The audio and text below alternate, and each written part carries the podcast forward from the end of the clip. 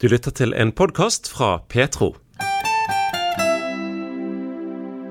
Jeg syns det hadde vært veldig spennende hvis man fant Ja, det er vel kanskje fossiler av liv som er, kan tenkes å finne. Eh, jeg for min del er en av dem som håper på det, i hvert fall. Jeg ser absolutt ingenting i bibelteksten som skulle tale imot det. Altså, den, den sier jo ikke noe om Nesten ikke noe Mars i det hele tatt, men det er absolutt ingenting der som skulle si at vi er alene i universet.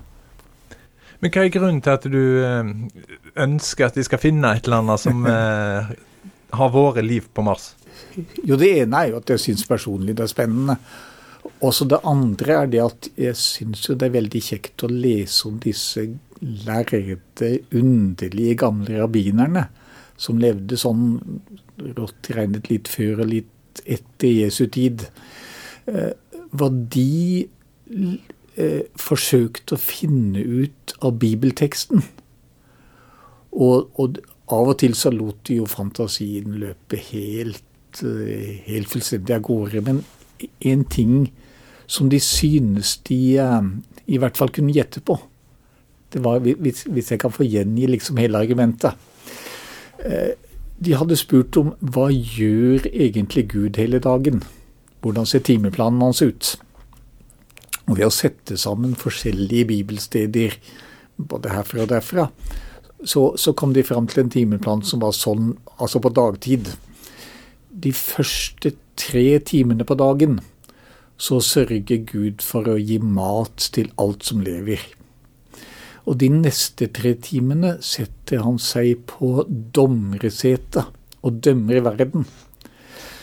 Men når han ser at verden er jo egentlig skyldig i å bli dømt, så flytter han seg de neste tre timene over på nådens sete og frikjenner og tilgir synd. Og de siste tre timene på dagen så drar han ut på havet, og så leker han med hvalen. Fordi at det står i Salme 104 om havet og hvalen som du skapte til å leke der. Og så spurte de, men hva gjør han på natten? For det står jo at se, han sover ikke og slumrer ikke, Israels vokter.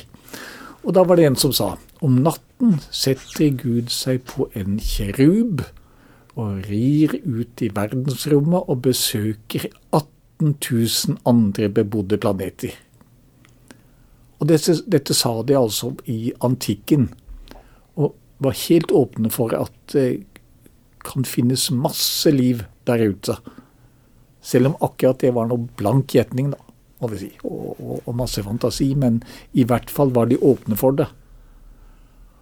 Og jeg tror de ville blitt veldig begeistret, disse lærde, nærsynte, skjeggete gamle rabbiene, hvis de hadde fått, eh, nå fått høre at en robot eller noe hadde funnet spor av liv på Mars.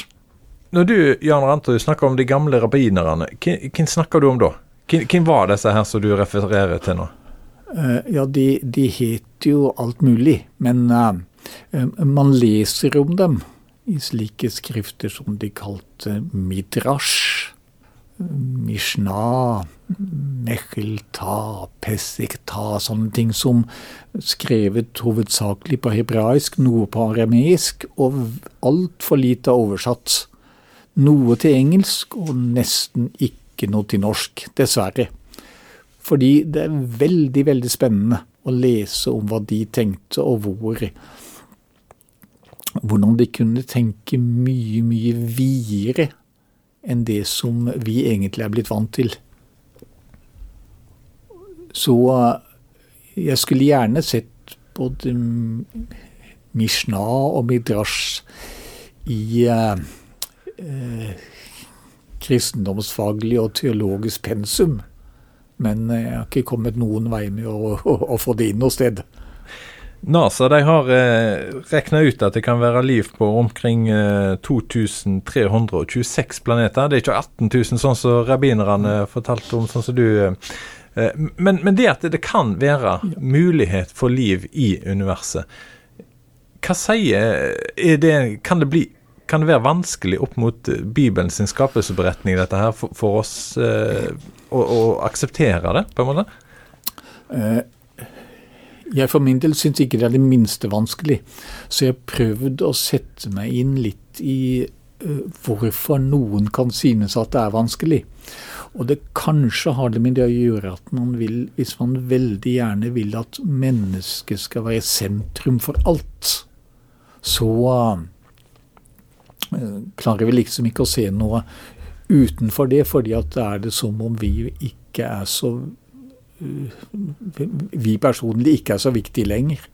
Men, men, det er vi jo. Altså Vi taper jo absolutt ingenting, verken når det gjelder verdi eller noe annet, på at uh, finnes liv ikke bare andre steder på jorden, men andre steder utenfor jorden også.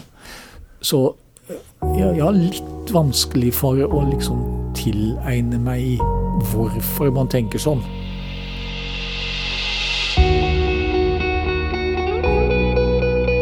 Når du sier menneskesentrum for, for eh, skaperverket, stemmer ikke det, altså?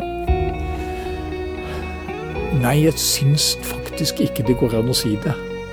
Altså, man sier jo gjerne sånn at mennesket er det flotteste Gud har skapt. Det sier Bibelen aldri.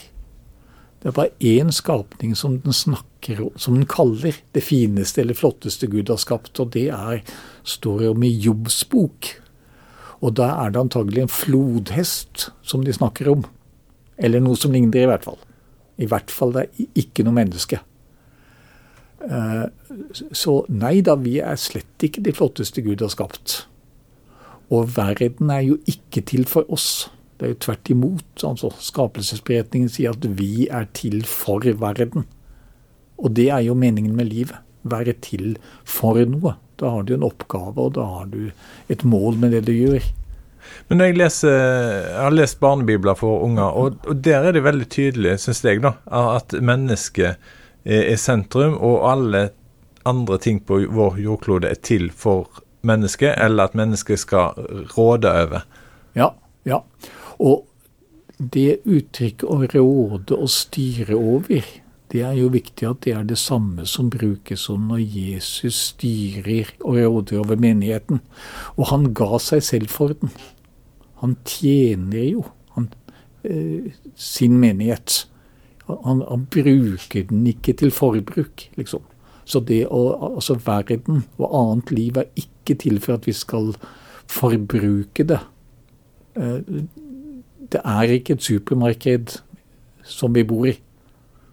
Det er et sted hvor vi har en oppgave, og verdien vår er nettopp i den oppgaven vi har. Å ta vare på alt annet. Men hvis vi da skal prøve å oppsummere litt det som vi har snakket om nå. altså eh, Jordkloden er eh, en del av universet. Eh, og jeg eh, fant ut at eh, avstanden til månen den er 1,3 eh, lyssekunder. Mm. og så er det til sola. Den er 8,3 lysminutter. Og så har vi da avstand i universet på 46,5 milliarder lysår. Det, ja, det er noen ja, ja, enorme dimensjoner på dette her. Og så tenker vi mennesker her på jordkloden at vi er unike i, i dette bildet her. Ja. Jeg tror ikke vi er det. Jeg tror at det er eh, Det kan jo være masse, masse annet liv der ute. Men det er jo slett ikke sikkert at vi får se det. I en sånn uh, et rent logisk argument imot det, syns jeg på en måte er interessant, selv om jeg ikke er sikker på at det er helt i mediet. det. Kalles Fermis paradoks. Og det sier det at hvis det finnes andre sivilisasjoner der ute som er eldre enn oss, så vil de jo før eller siden ha vært her og sett oss, og vi vil ha sett dem. Og siden vi ikke har sett noen, så, så tyder det eh, Støtter de i hvert fall ikke at det finnes andre sivilisasjoner. Men det kan jo selvfølgelig bare bety at vi har ikke sett dem ennå. Det er klart, det. det øh, så jeg syns det er øh, Jeg kommer til å følge med i nyhetene fra Mars. Og og, og se hva som kommer ut av det. Og sammen med disse gamle rabbinerne så kommer jeg til å være veldig begeistret hvis de finner noe. I hvert fall noe som en gang har vært liv, da.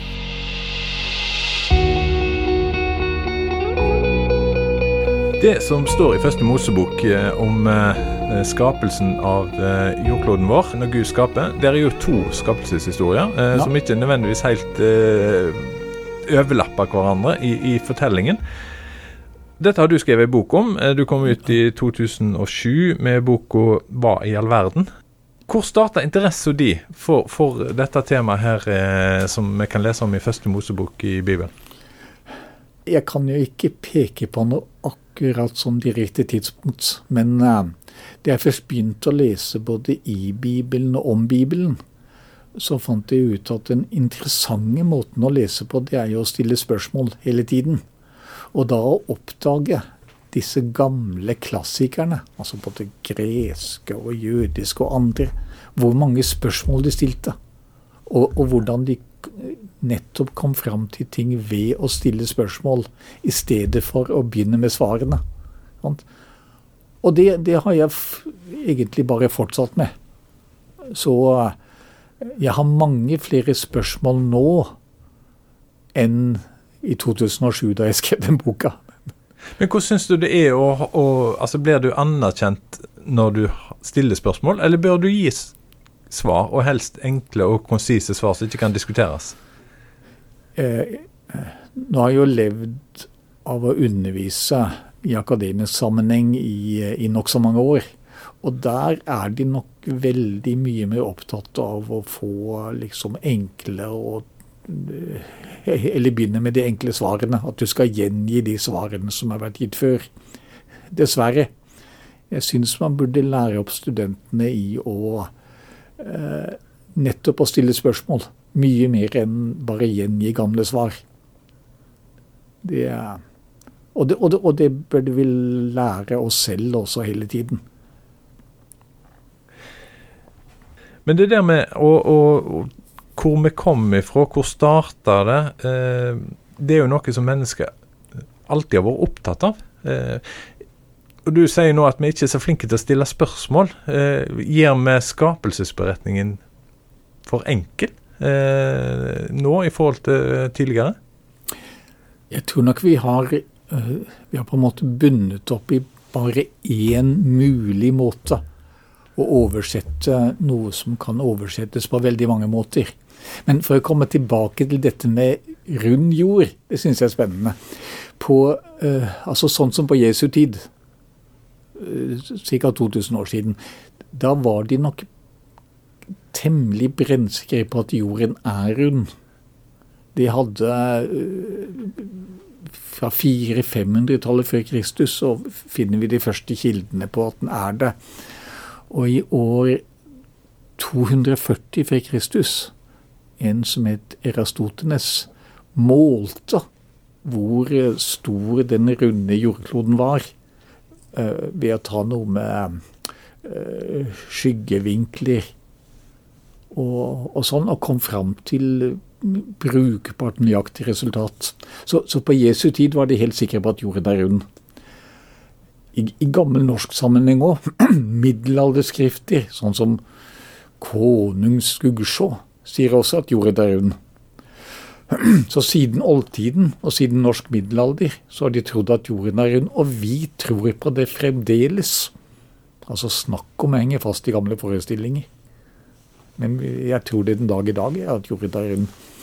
Og har litt vanskelig for å sette meg inn i de, altså hvordan de tenker, de som sier at den er flat. Bibelen sier det i hvert fall aldri. Den sier eh, knapt nok noe entydig om formen på jorden i det hele tatt, men i hvert fall kan man godt si at teksten er helt åpen for at jorden er rund, i hvert fall.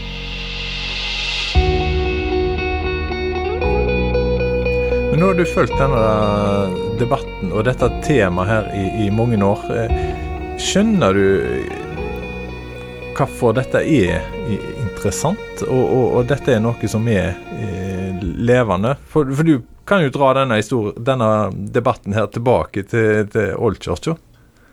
Ja, jeg, syns fremdeles det er veldig interessant. Og syns det er veldig spennende og veldig positivt at det er mange forskjellige meninger om det. Det, det ville vært uh, Altså hvis vi alle er enige, så kommer vi ingen vei. Så, så, jeg skal gjerne høre på all uenighet, og håper det blir så mye som mulig av det. Uh, så å si. Men uh, da tror jeg nettopp det er viktig å være klar over det at bibelteksten, den kan oversettes på veldig mange forskjellige måter. Ehm, jeg kan godt si at jeg selv er bokstavtro når det gjelder bibelteksten, men det er de hebraiske og greske bokstavene jeg tror på, ikke alltid de norske. Ja, for Bibelen har jo blitt eh, bearbeida, eh, oversett. Eh, en har fornya den til språk. Eh, går det an å ha en bibeltru Altså være bibeltru til, til den bibelen vi har i dag? Ja, det tror jeg absolutt det går an. At man kan ta en norsk bibel av, av, den ene eller andre utgaven og si at ja, dette er Guds ord, fordi at det er slik Guds ord er nå i vårt vårt språk og til akkurat oss. Det, det tror jeg er helt fullstendig riktig. Og at en uh, uh, Hvis vi skal forstå det, så må vi begynne med at, å skjønne at nei, det er ikke alt vi forstår her i utgangspunktet. Alt kan vi studere enda mer. Alt kan vi finne enda mye mer ut av. Og det er det vel ingen slutt på i det hele tatt. Eh, jeg for min del har i hvert fall, eh, hvis jeg sier de siste 10-20 årene, da Jeg har større tillit til bibelteksten nå enn jeg hadde for 20 år siden. Og jeg har også mange flere spørsmål til den. Men er ikke det en motsetning, da? Nei, jeg syns ikke det. Fordi at virkeligheten og Bibelen er jo Altså, den er virkeligheten, og den taler om virkeligheten. Den er eh, den er så stor at vi klarer aldri å få inn alt på en gang. Vi må vokse i forståelse, slik som Det nye testamentet sier veldig mange ganger. Vokse i kjennskap og kunnskap. Og det, og det er det ingen slutt på. Og eneste måten å forstå noe på, det er å begynne med å være klar over alt det vi ikke forstår. Men jeg hørte en sa i et debattforum på, på Facebook om, om, dette her, og han sa at hvis ikke en kan tro bokstavelig på skapelsesberetningen, ja. så kan en ikke tro på resten av Bibelen. Ja, jo, jeg er helt enig at uh, det å tro bokstavelig på skapelsesberetningen, det er faktisk viktig. Og jeg kan godt være enig i at det er en forutsetning for å tro resten av Bibelen òg. Men det er da igjen, bare for å understreke det, eh, de bokstavene vi tror på, de er ikke uten videre entydige når vi skal prøve å oversette dem til eh, både vårt språk og vårt liv og vår situasjon og vår tid. Hva betyr det egentlig? Hvordan kan du forklare det litt enklere? Hvis tro uh, best kan oversettes som en tillit, og det tror jeg faktisk er den beste oversettelsen, så kan eh, jeg kan ha tillit til en person jeg stoler på, uten at jeg nødvendigvis vet like mye som den personen gjør. Så jeg har tillit, jeg har tro på Gud og det han sier. Og så får jeg da prøve å forstå det etter beste evne. Og jeg tror han har nesten uendelig tålmodighet med at jeg misforstår av og til. Og da forklarer han det på nytt igjen. Og, og måten han gjør det på, det er at ja, man setter seg ned og slår opp på nytt igjen, og så ser du det bibelstedet og i sammenheng med andre bibelsteder osv. osv. Og så kan man komme fram til kanskje en ny forklaring, som kanskje er riktig og kanskje ikke riktig. Du hadde et eksempel her eh, vi snakket litt tidligere, og da sa du om det å komme inn i et hus. Ja. Så, så sammenligner du det å vite om huset, hva tid det var bygd, ja. grunnen til det var bygd og alt dette her. Eh, det var én måte å komme inn i et hus på. En annen måte var å tilpasse seg og bli kjent med de som er i huset. Ja, jeg, jeg, tror at det er den beste måten å lese skapelsesberetningen på.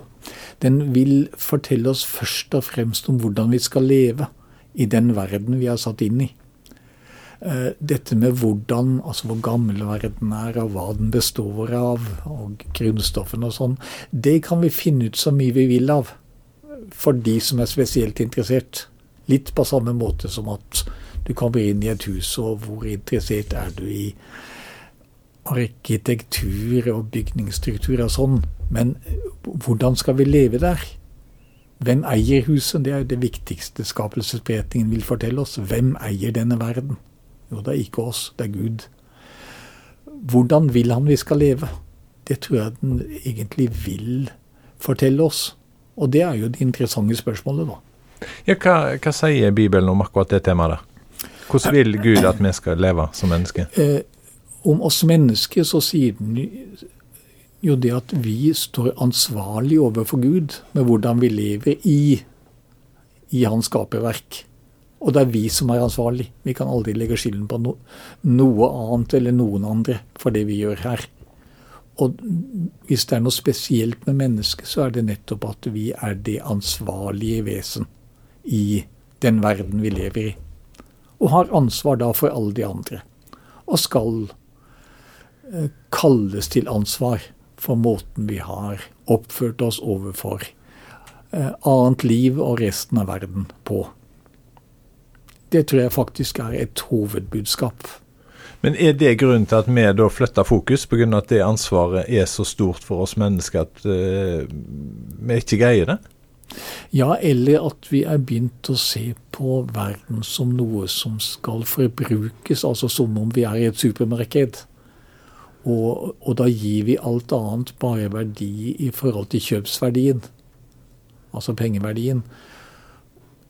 Men det er, hvis vi tenker over det, det er fullstendig håpløst.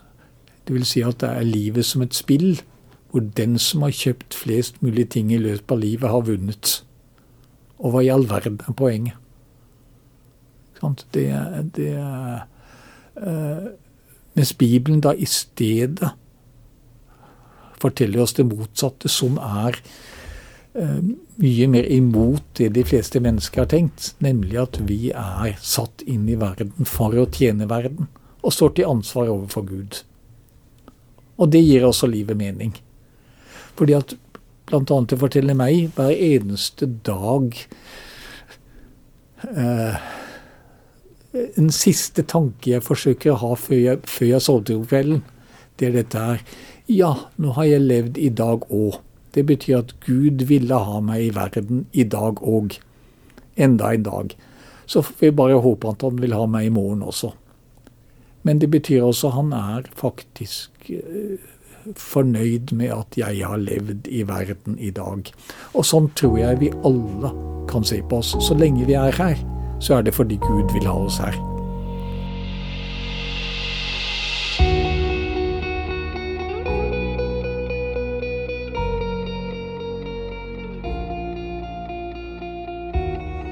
Du har hørt en podkast fra Petro. Du finner masse mer i vårt podkastarkiv på petro.no.